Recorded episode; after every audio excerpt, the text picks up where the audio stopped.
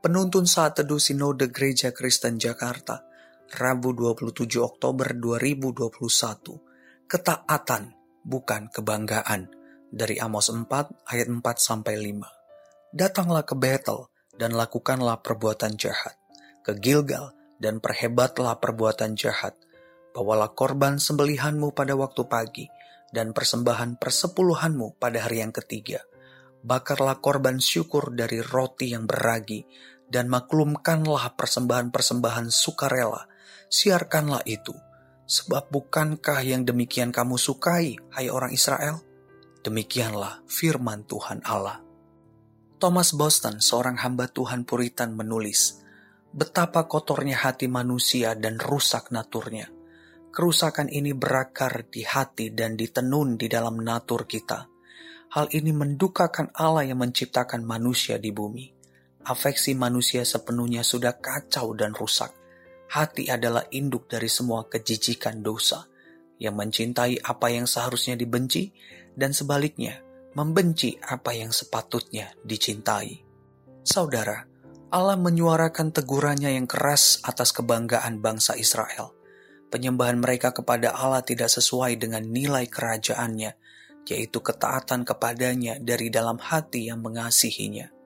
Melalui Nabi Amos, Allah memerintahkan bangsa Israel untuk datang ke Betel, Gilgal, dua tempat ibadah mereka untuk melakukan kejahatan-kejahatan mereka yang selama ini mereka sukai. Sembari mereka juga memberikan persembahan kurban sembelihan, persembahan persepuluhan, kurban syukur dari roti yang beragi, memaklumkan persembahan-persembahan sukarela yang dilakukan dari hati yang angkuh. Mereka sangat bersemangat untuk memaklumkan persembahan-persembahan yang dipersembahkan kepada Allah. Kata memaklumkan dari bahasa aslinya adalah wekiru, dari kata dasar kara, yang berarti menyuarakan dengan keras. Kata ini dapat diartikan memamerkan, membual, membanggakan diri yang berasal dari hati yang angkuh. Dengan demikian, mereka membanggakan dirinya karena dapat memberikan persembahan-persembahan kepada Allah. Mereka membanggakan dirinya di hadapan orang-orang miskin. Sementara itu mereka tidak peduli sama sekali dengan keadaan sesamanya yang kekurangan, kelaparan, kesulitan. Di mata Allah, penyembahan seperti ini adalah jahat. Bangsa ini mencintai dosa-dosanya, termasuk kebanggaan dirinya. Sebaliknya, mereka membenci untuk menaati Allah dan mengasihi sesamanya.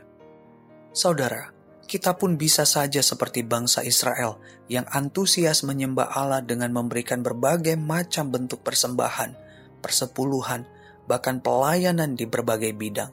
Kita bisa saja sangat membanggakan itu semua.